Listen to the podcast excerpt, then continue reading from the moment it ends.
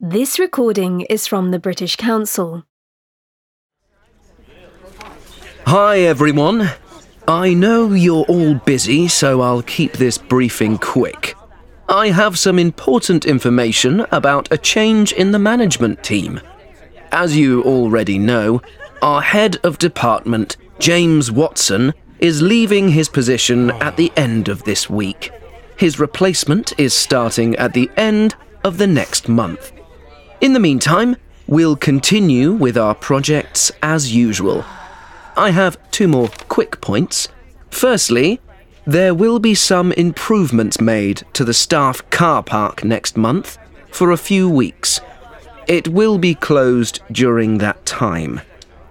Don't worry, we've found a solution.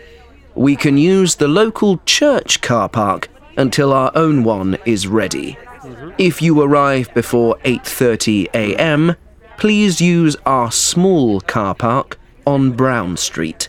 And if you arrive after that, you should go directly to the church car park. It's only a 5-minute walk away, but they need it in the evenings, so you have to leave before 6 p.m. Sorry about that. I know how much you all love working late. The other thing I wanted to tell you about is that the canteen has now introduced a cashless payment system. So, you can't use cash for payments anymore. You can pay directly with your smartphone or you can pay using your company ID card. The total amount put on your company ID card comes off your salary at the end of each month.